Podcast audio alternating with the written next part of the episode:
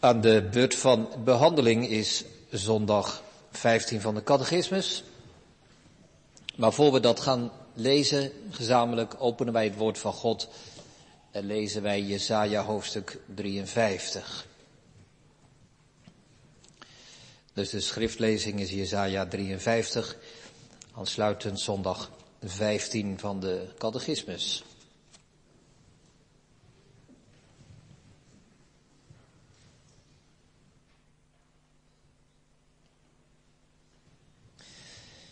Jesaja 53, het woord van God spreekt hier als volgt. Wie heeft onze prediking geloofd? En aan wie is de arm van de Heer geopenbaard? Want hij is als een lood opgeschoten voor zijn aangezicht, als een wortel uit dorre aarde. Gestalte of glorie had hij niet. Als we hem aanzagen was er geen gedaante dat wij hem begeerd zouden hebben. Hij was veracht, de onwaardig stonden de mensen, een man van smarten, bekend met ziekte en als iemand voor wie men het gezicht verbergt. Hij was veracht en wij hebben hem niet geacht. Voorwaar onze ziekten heeft hij op zich genomen. Ons leed heeft hij gedragen. Wij hielden hem echter voor een geplaagde, door God geslagen en verdrukt. Maar hij is om onze overtredingen verwond, om onze ongerechtigheden verbrijzeld. De straf die ons de vrede aanbrengt was op hem.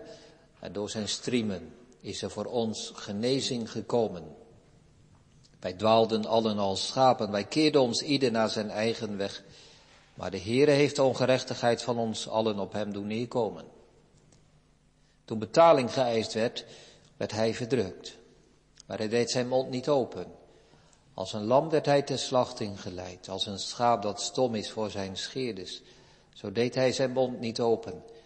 Hij is uit de angst en uit het gericht weggenomen. En wie zal zijn leeftijd uitspreken? Want hij is afgesneden uit het land van de levenden. Om de overtreding van mijn volk is de plaag op hem geweest. Men heeft zijn graf bij de goddelozen gesteld en hij is bij de rijk in zijn dood geweest. Omdat hij geen onrecht gedaan heeft en geen bedrog in zijn mond geweest is. Maar het behaagde de Heere hem te verbrijzelen. Hij heeft hem ziek gemaakt. Als zijn ziel zich tot een schuldoffer gesteld zal hebben, zal hij nageslacht zien. Hij zal de dagen verlengen, het welbehagen van de Heer zal door zijn hand voorspoedig zijn. Om de moeitevolle inspanning van zijn ziel zal hij het zien. Hij zal verzadigd worden. Door de kennis van hem zal de rechtvaardige, mijn knecht, velen rechtvaardig maken, want hij zal hun ongerechtigheden dragen. Daarom zal ik hem veel toedelen en machtiger zal hij verdelen als buit, omdat hij zijn ziel heeft uitgestort in de dood, onder de overtreders is geteld, omdat hij de zonde van velen gedragen heeft en voor de overtreders gebeden heeft. Tot zover de lezing uit de schrift en aansluitend dus zondag 15 van de catechismus. Vraag en antwoord 37 tot en met 39. Vraag 37. Wat verstaat u onder het woordje geleden? Dat hij tijdens heel zijn leven op aarde, maar in het bijzonder aan het einde daarvan, Gods toorn tegen de zonde van heel het menselijk geslacht aan lichaam en ziel gedragen heeft. Om met zijn lijden als met het enige zoenoffer ons lichaam en onze ziel van de eeuwige veroordeling te verlossen. En voor ons de genade van God, de gerechtigheid en het eeuwige leven te verwerven. Waarom heeft hij onder de rechter Pontius Pilatus geleden? Om ons, doordat hij onschuldig onder de wereldlijke rechter veroordeeld werd, te bevrijden van het strenge oordeel van God dat ons treffen zou. Betekent het iets meer dat hij gekruisigd is dan dat hij op een andere wijze gestorven zou zijn?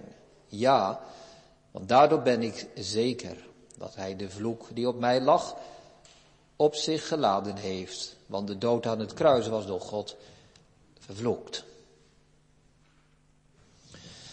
thema boven de preek is zekerheid. Geen eis, maar belofte.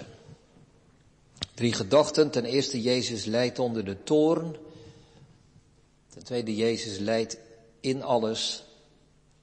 Ten derde, Jezus leidt voor ons.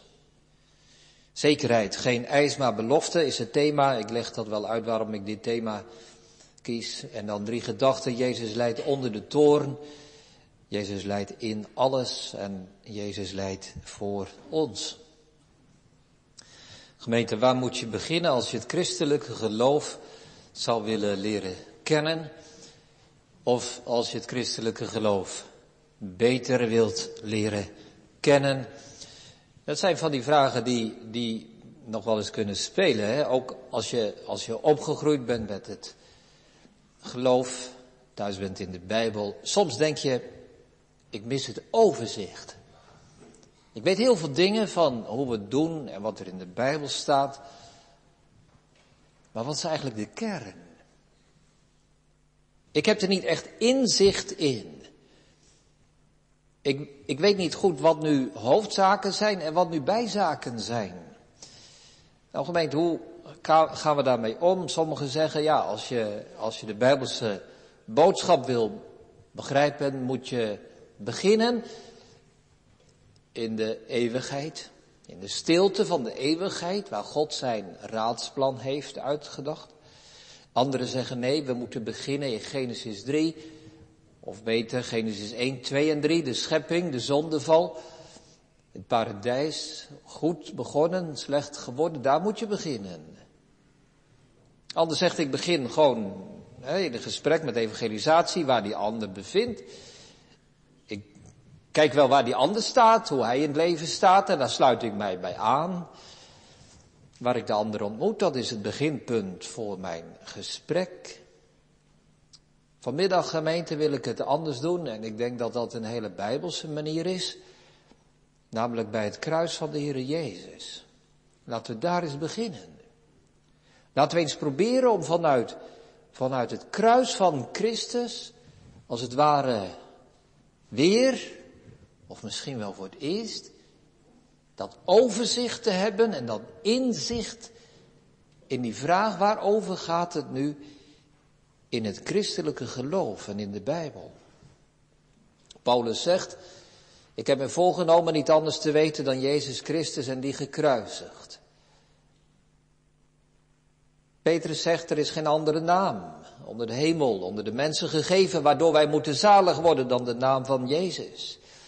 Dus we mogen daar beginnen, gemeente. En dan moet ik er nog wat aan toevoegen.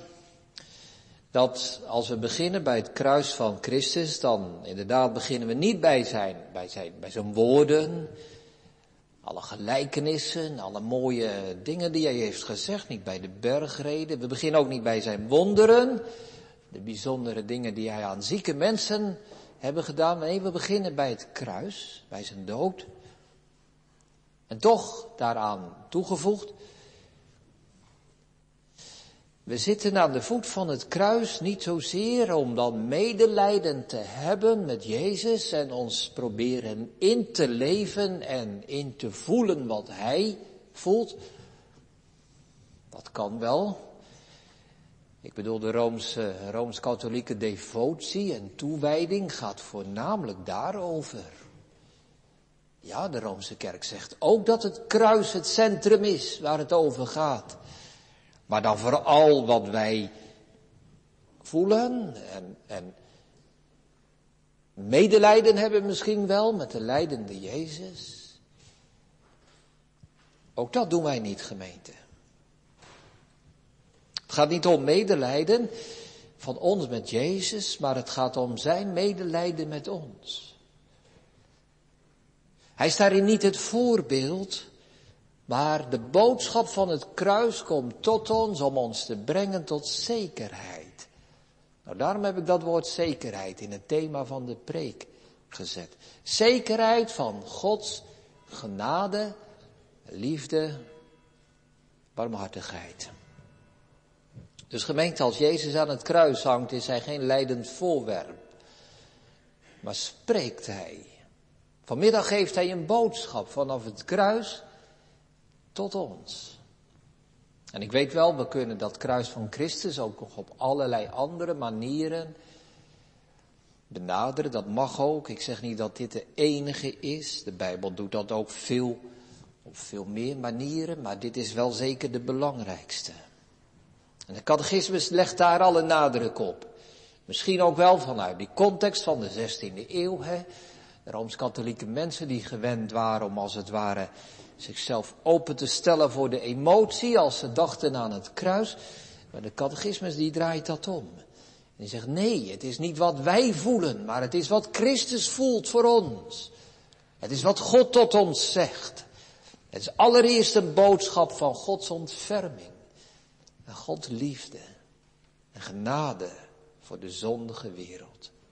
De Heer Jezus heeft vanaf het kruisgemeente geen wetboek gegeven. Dit moet je doen en dat moet je doen en dit is verboden en dat is toegestaan. Luther zei dan, hij is geen tweede Mozes die met een ander wetboek komt.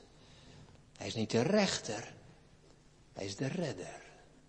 En hij wil ons brengen tot zekerheid. Nou, dat wil ik vanuit drie, drie invalshoeken bezien. De drie gedachten. Ten eerste lijden onder de toorn. Als de catechismus dat ene woordje geleden gaat uitleggen. Die geleden heeft. Onder Pontius Pilatus is gekruisigd.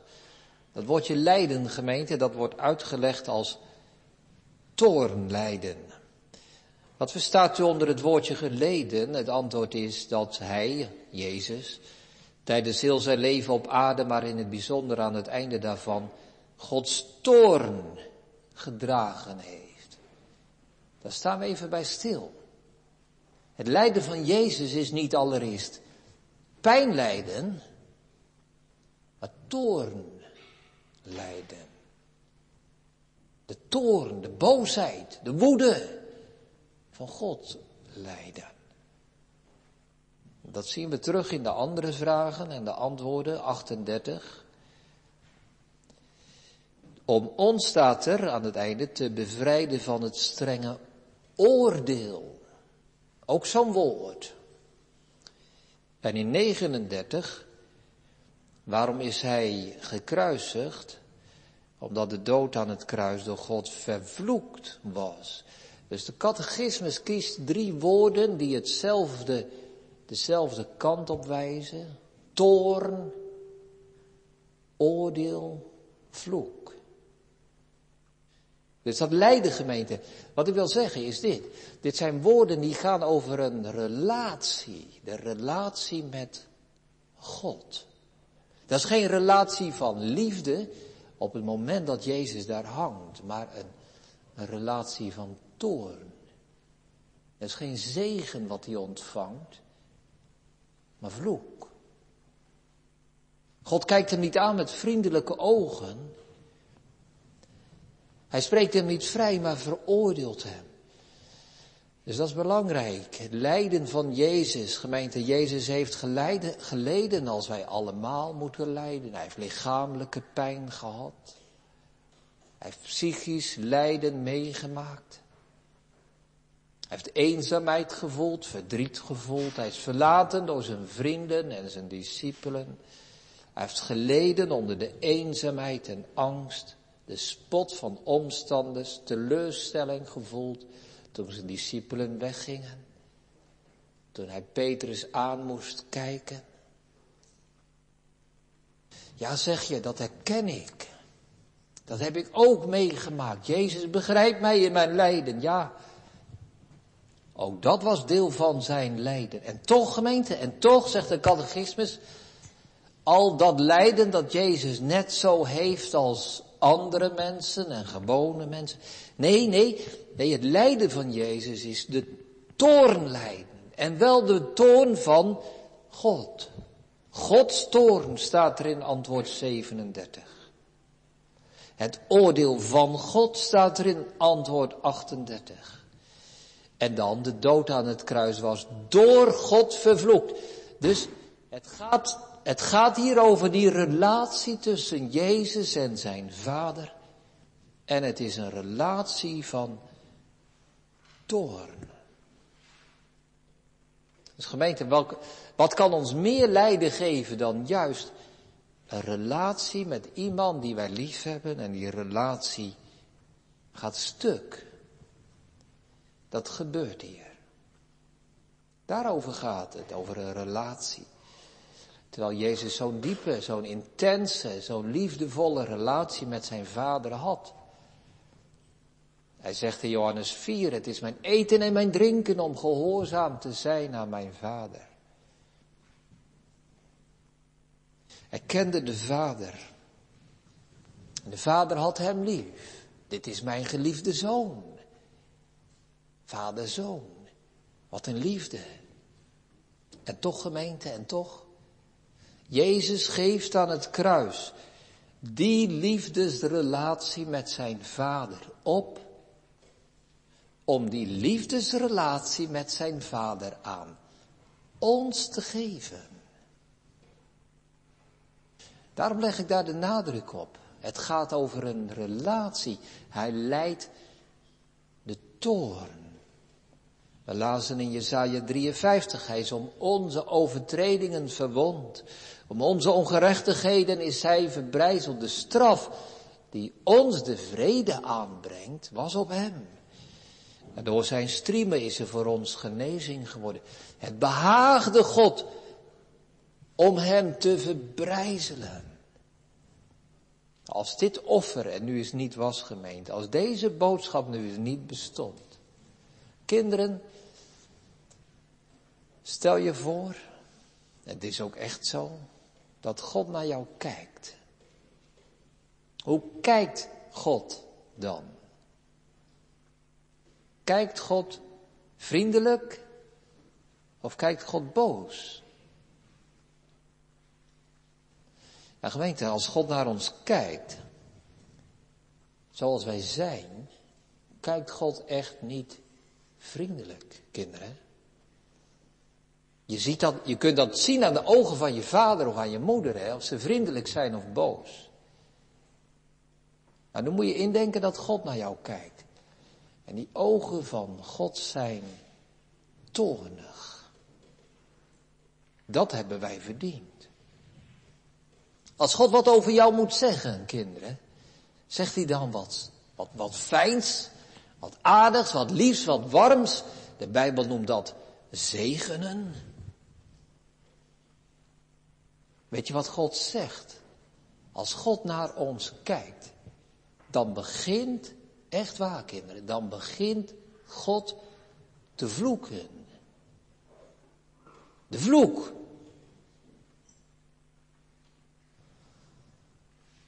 Als God moet zeggen of je straf verdiend hebt of dat je onschuldig bent, wat zegt God?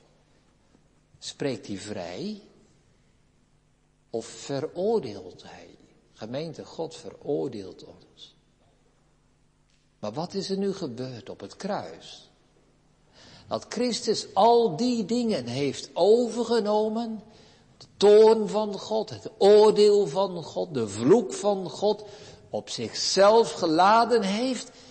En daarom als God nu naar ons kijkt, dankzij Christus, zegent Hij en vloekt niet. Veroordeelt Hij niet, maar spreekt Hij vrij. Is er geen woede en toorn, maar is er liefde en vriendelijkheid. Dat is het kruis. Dat is de boodschap. In één woord gemeente, de relatie met God is een liefdesrelatie geworden. En daarom gemeente mag er zekerheid zijn. Dat is de boodschap die Jezus vanaf het kruis spreekt. Zekerheid van de liefde en de vergeving en de goedheid van God. Onze eerste gedachte. Lijden is toornlijden. De tweede, Jezus lijdt in alles. Daar legt de catechismus grote nadruk op. Staat in het antwoord 37 dat hij tijdens heel zijn leven op aarde, bij het bijzonder aan het einde daarvan, Gods toorn tegen de zonde van heel, weer dat woord, heel het menselijk geslacht, al lichaam en ziel, beide gedragen heeft. Niet alleen aan zijn lichaam, niet alleen aan zijn ziel, maar met heel zijn bestaan. En er staat ook verderop, om met het enige zoenoffer ons lichaam en onze ziel van de eeuwige veroordeling, de complete, de eeuwigdurende veroordelingen te verlossen. En voor ons de genade van God, de gerechtigheid en het eeuwige leven te verwerven. De hele zaligheid. Dus wat doet de catechismusgemeente? Die put zich uit in woorden en uitdrukkingen om aan te geven dat Jezus alles geleden heeft. Het lijden van Jezus is alomvattend geweest, is compleet geweest, is genoeg geweest, is adequaat geweest. En wat Hij geleden heeft, hoef ik niet meer te lijden. Wat Hij geleden heeft, hoef ik niet meer te lijden. En daarom kijken we naar het kruisgemeente, niet als een voorbeeld, niet als een inspiratie voor ons. Maar we kijken naar het kruis als iets wat wij juist niet hoeven te doen en niet hoeven te ondergaan. Hoe meer Jezus leed, hoe minder ik hoef te lijden. En daarom zegt de catechismus, daarom is het zo'n heerlijke boodschap dat Jezus alles geleden heeft. Het is niet dat hij gaandeweg tijdens zijn leven ontdekte dat hij een roeping kreeg en naar het kruis ging. Maar vanaf het allereerste begin heeft Jezus geleden. Denk aan de vorige catechisme spreken. Vanaf zijn geboorte, vanaf de ontvangenis, was dit zijn roeping. Heel zijn bestaan, niet alleen zijn lichaam. We kunnen nadenken, hè, kinderen ook vast wel, wat zullen die spijkers zeer hebben gedaan bij de Heer Jezus, zijn lichaam. Wat moet het ondraaglijke pijn hebben gedaan toen de zweep op zijn rug knalde. Ja, maar, maar zijn ziel, zijn innerlijk, in zijn innerlijk voelde hij de verlatenheid en voelde hij de toorn van God. Geen liefde, maar toorn. Stel dat hij nu alleen naar zijn lichaam had geleden, gemeente. En innerlijk, zo, zo hebben veel martelaren geleden. Innerlijk voelden ze de vrede en de vreugde en zelfs de blijdschap. Maar Jezus heeft vooral in zijn ziel geleden. Verderop in antwoord 44 wordt dat uitgelegd. Die helse verlatenheid en die eenzaamheid. Maar God, waarom hebt u mij verlaten? Heeft alles geleden. Waarom? Zodat wij het niet meer hoeven te lijden en nooit meer van God verlaten zullen zijn. En dan zegt Antwoord 37, iets gemeente waar ik graag even een streepje onder zet. Het is net boven het midden van het antwoord dat hij Gods toorn tegen de zonde van heel het menselijke geslacht gedragen heeft. Wat bedoelt de catechismus? Worden alle mensen zalig? Dat noemen we overzoening. Dat is niet waar. Dat is duidelijk. Is het dan wat we noemen algemene verzoening? Dat hij de zonde van alle mensen heeft gedragen en dat hij nu van ons geloof vraagt. Ik denk het wel, gemeente. Ik ga niet te lange theologische verhandeling houden, maar ik denk echt dat de catechismus dit bedoelt. Algemene verzoening. De zonde van de hele wereld, van alle mensen. Niet alleen van de uitverkorenen, maar alle mensen. Ook de ook de moslims en ook de joden en ook de christenen en ook de naamchristenen en ook die atheïsten en, en, en iedereen, de hele wereld. De zonde van het hele menselijke geslacht heeft Jezus gedragen. Nou, begrijp me goed gemeente, ik, bedoel niet dat we nu allemaal meteen de algemene verzoening zouden moeten aanhangen. Het is niet zo verkeerd als soms wordt gedacht, dat zeg ik er ook wel bij, want het staat gewoon in onze catechismus. Maar ik houd nu voor vanmiddag het punt in de lijn van de preek.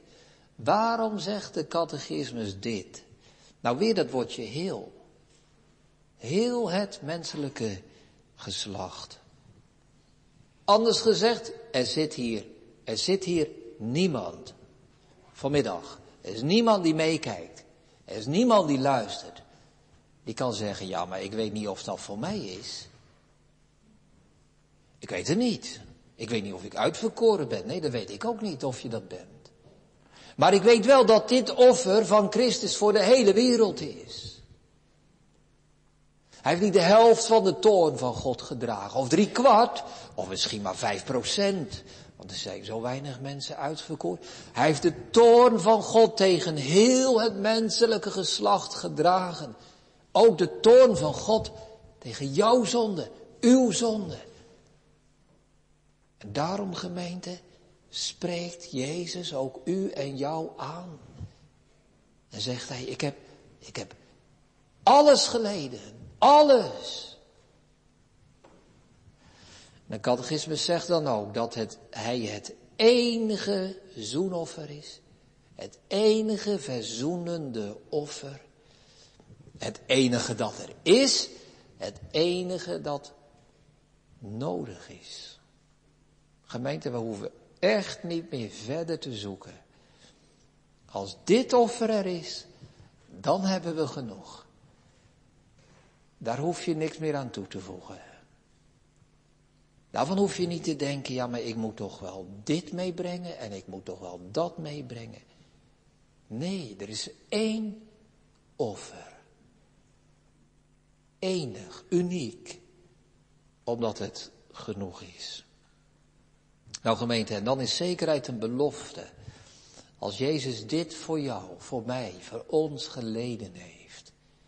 Zijn hele leven lang naar ziel en lichaam. Als hij de toorn van God gedragen heeft. Zo diep, zo omvattend, zo volledig. Waarom twijfel je dan nog? Waarom twijfel je? Waarom denk je, ik weet niet of dat voor mij is. Daarom gemeente mogen wij, moeten wij zeggen dat ongeloof, twijfel en ongeloof is hetzelfde hoor.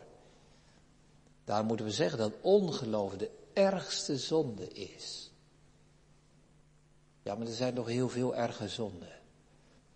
Is toch ook moord en marteling en misbruik, is dat dan niet erg? En toch gemeente, toch zeg ik het, ongeloof is de ergste zonde. Omdat ongeloof wantrouwen is tegen de grootste daad van liefde die er ooit in de wereld is geweest. Ongeloof is twijfel aan de goede bedoelingen van Jezus. Ongeloof is zeggen, Jezus, u hebt het niet genoeg gedaan. Het is niet genoeg voor mij om gerust te kunnen leven en zalig te sterven. Dat is ongeloof. Dat is twijfel. Gemeente, ik wil één ding vanmiddag bereiken. Dat je niet twijfelt aan het offer van Jezus. En dat bedoel ik natuurlijk niet alleen, ja, er is ooit historisch een keer een historisch feit geweest. Jezus stierf op Golgotha. Nee, maar ik bedoel dat je niet twijfelt aan Jezus' motieven. En dat je niet twijfelt aan de uitwerking van wat Jezus gedaan heeft. Weet je nog, Jezus spreekt vanmiddag vanaf het kruis naar ons. En wat zegt hij? Voor u, voor jou. Omdat hij wil dat wij zeker zijn. Twijfel gerust aan jezelf. Twijfel gerust aan je bekering. Twijfel gerust aan je heiligmaking, aan je vorderingen, aan de kwaliteit van je geloof. Maar twijfel niet aan Jezus. Aan wat Hij gedaan heeft. Dit offer van Hem is zo volmaakt. In alles heeft Hij geleden.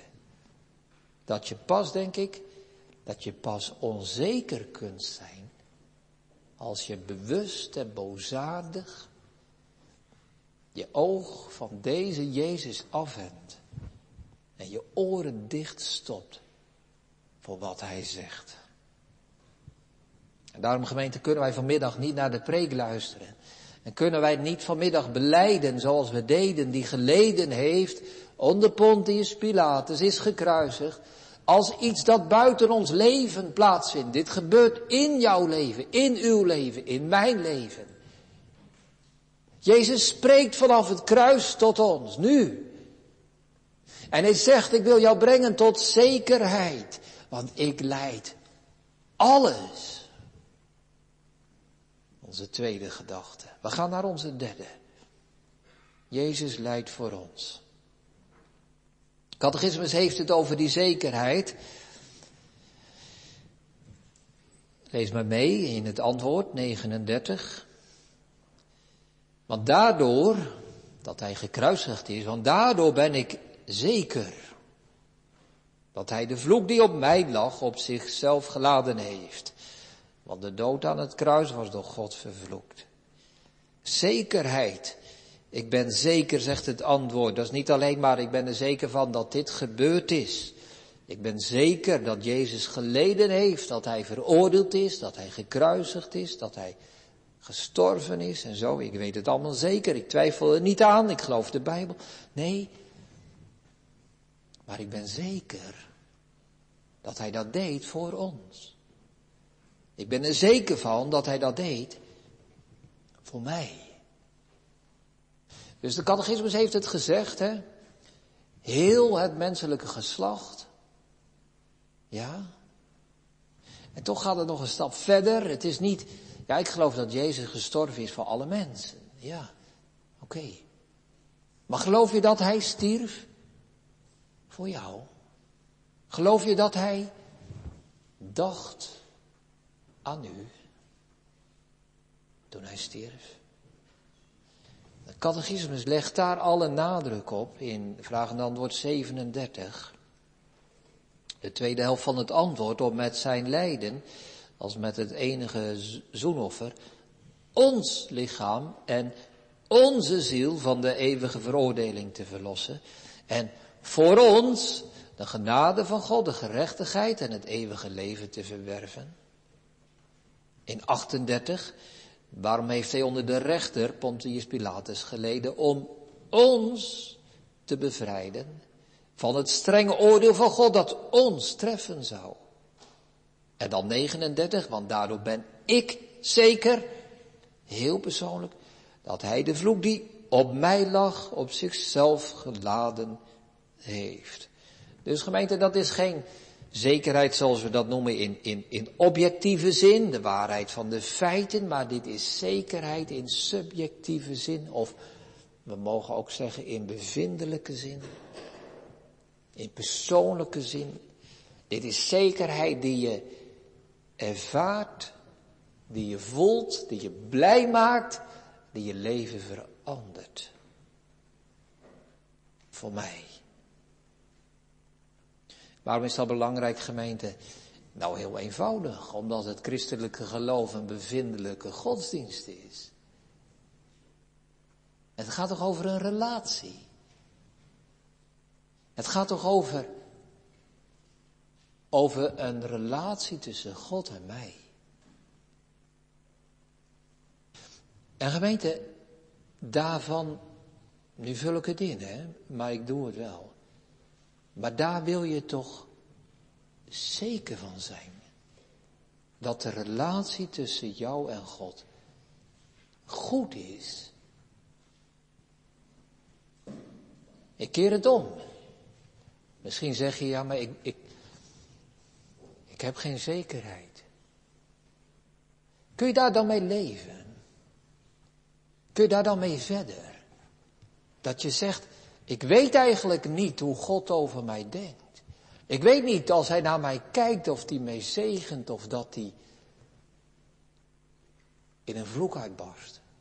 Ik weet het eigenlijk niet of God mij vrij spreekt of dat hij mij veroordeelt. Ik weet niet of God voor mij milde handen, vriendelijke ogen heeft. Omdat het toorn uit zijn ogen spat. Ik weet het niet. Ja, maar hoe kun je leven als je dat niet weet? Hoe kun je verder gaan als je daar niet zeker van bent? Kijk, een moslim, ja, een moslim legt zich daarbij neer. Die probeert in zijn gedrag er wat van te maken. En die moet maar zien hoe het afloopt. Maar dat is geen bevindelijke godsdienst. Ik denk dat een moslim, ja, ik denk dat je moslim niet eens kan uitleggen wat bevinding is. Wat is bevinding, gemeente? Nou, dat is dit. Dat je voelt, dat je weet, dat je ervaart dat het goed zit tussen God en mij. Dat dat een relatie van liefde is. Zo lief als God Jezus heeft. Zo lief heeft Hij mij dankzij Jezus. Omdat de toorn die op mij lag op Jezus geladen is. Christelijke geloof is een godsdienst van liefde en van dankbaarheid.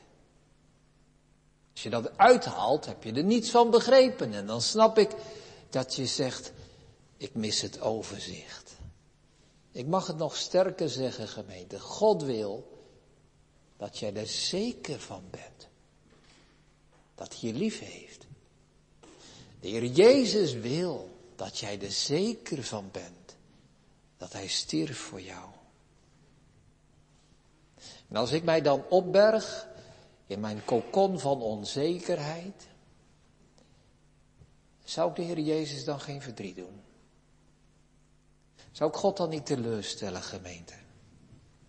Als dit de boodschap van het kruis is, waar Christus sprekend hangt en tot ons zegt wat Hij gedaan heeft, om ons zekerheid te geven. Ja, gemeente, dan mag je zeker zijn. Dat wil God, daar verlangt Hij naar. Of is het je nu echt om het even hoe God over je denkt? En ben je niet zeker omdat God je eigenlijk gewoon niets scheelt? Ja, gemeente, dan moeten we daar ook maar eerlijk over zijn. Dan moeten we niet met vrome praat zeggen, ja, maar iedereen heeft die zekerheid niet en zo. Niet alle kinderen van God komen zover. Ik heb het niet over alle kinderen van God, ik heb het over u en over jou. Hoe belangrijk vinden we het? Zijn we als die verloren zoon die zijn vader niet belangrijk vond? Zijn vader vond hem wel belangrijk, maar hij dacht niet aan zijn vader. Kijk gemeente, ja, dan hoef je ook niet zeker te zijn, dan is zekerheid onbelangrijk. Onzekerheid is een teken van onverschilligheid. Maar God is niet onverschillig. En daarom wil God ons brengen tot zekerheid. God wil ons niet alleen bevrijden van de toorn, maar hij wil ook dat wij mogen leven als een bevrijd mens. Luther, Luther zegt, in zijn uitleg van gelaten 1 vers 4, ja zegt hij, ik, eh, ik kan natuurlijk wel geloven dat Jezus gestorven is voor de zonde van Petrus. Ik vind het ook niet moeilijk om te geloven dat hij stierf voor de zonde van zijn moeder Maria. Of van Paulus of David of wie dan ook. Ja, dat is niet zo moeilijk maar die zichzelf gegeven heeft voor onze zonden, voor mijn zonden, mijn echte zonde, mijn grote zonde, mijn onoverwinnelijke zonde.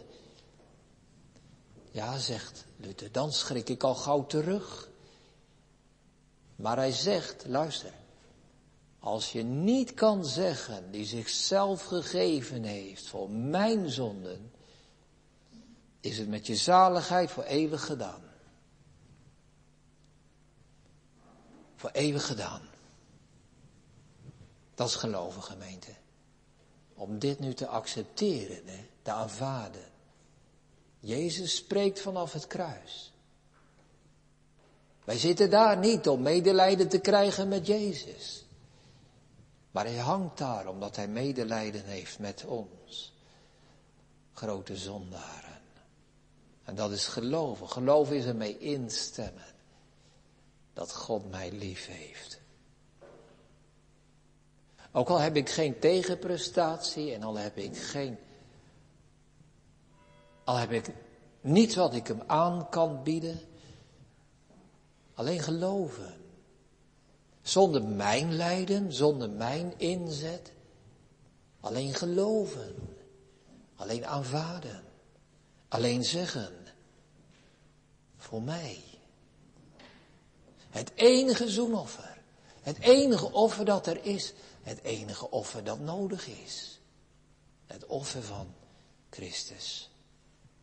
Gemeente, wees niet zo dwaas om je te verzetten tegen deze goddelijke bewogenheid.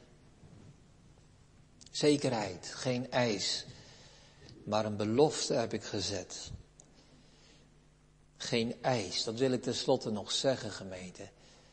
Want het kan zo zijn, hè, zeker als je dat woord van Luther hoort. Als je niet kan zeggen voor mijn zonde gestorven, dan is het met je zaligheid voor eeuwig gedaan. Is dit een nieuwe eis die we elkaar opleggen?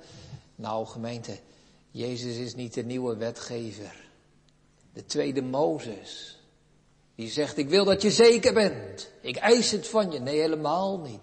Hangt hij zo aan het kruis als een eisende rechter? Nee. Milde handen, uitgestrekte handen, vriendelijke ogen. Zo spreekt hij vanaf het kruis als een belofte. Zekerheid als een belofte. Ja, maar als dat nu toch zo'n worsteling voor mij is, wat dan? Word ik dan vanmiddag veroordeeld? Nee, er wordt niemand veroordeeld. Die verlangt naar zekerheid. Die verlangt naar innerlijke vreugde en blijdschap. Wordt niemand veroordeeld die op Jezus ziet. Gemeente, we worden gewezen op de leidende Jezus. Het enige dat wij hoeven te doen, is dit te aanvaarden. Hem te aanvaarden. Wat hij zegt als hij spreekt vanaf het kruis. Als hij zegt dat hij de toorn geleden heeft. Als hij zegt dat hij alles geleden heeft. Als hij zegt dat hij voor ons geleden heeft. Dan zijn er heel veel dingen onzeker in het leven. Wij weten niet eens hoe het vervolg van de dag zal vergaan. Wij weten niet hoe oud we worden. We weten niet wat ons overkomen kan. Het leven is een en al onzekerheid. We kunnen heel veel dingen kwijtraken. We kunnen onze gezondheid kwijtraken. We kunnen onze psychisch evenwicht kwijtraken. We kunnen heel veel mee moeten maken. Maar gemeente, als wij op het kruis zien, blijft er één ding zeker. Ja toch, ondanks alles. Eén ding blijft zeker. Wat ik ook kwijtraak, dit niet. Die bewogenheid en liefde van de Heere Jezus. Het enige offer dat er is.